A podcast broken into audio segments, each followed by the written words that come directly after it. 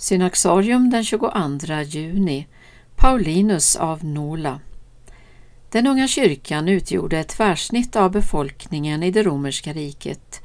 När slavar och senatorer sida vid sida gick till Herrens bord gestaltades en jämlikhet som världen aldrig tidigare skådat. Även kyrkans synaxarium speglar denna mångfald och idag firas en romersk senator, Paulinus av Nola, som omvände sig i mötet med evangeliet och bröt upp från sitt tidigare liv. Paulinus föddes i Bordeaux år 354 som son till en romersk patricier och utbildad av den berömde filosofen Ausonius spåddes han en lysande framtid. Han utnämndes till prefekt i Rom men kallades av Gud att gå en annan väg.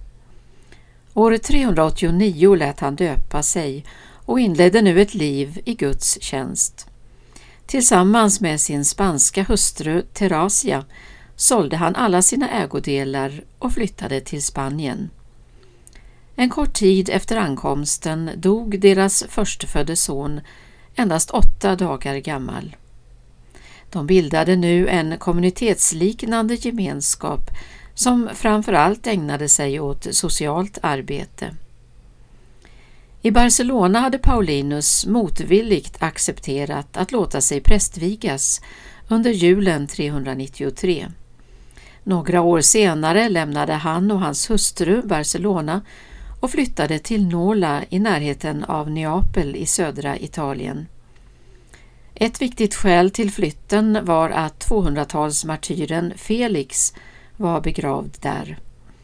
Paulinus hade redan i sin ungdom påverkats starkt av hans exempel, något som han framhöll som avgörande för sin egen omvändelse.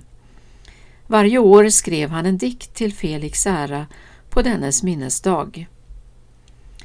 Efter att hans hustru hade dött valdes Paulinus till Nolas förste biskop omkring år 410, en uppgift han hade fram till sin död. Att han var lämpad rådde ingen tvekan om. Han stod också i förbindelse med en rad av samtidens ledande personer inom kyrkan. Ambrosius av Milano, Hieronymus, Augustinus av Hippo och Martin av Tours.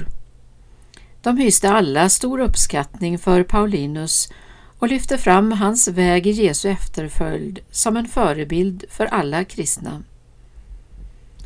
Paulinus var en betydande författare och diktare, en av senantikens främsta inom kyrkan. Åtskilligt av hans omfattande korrespondens finns bevarat.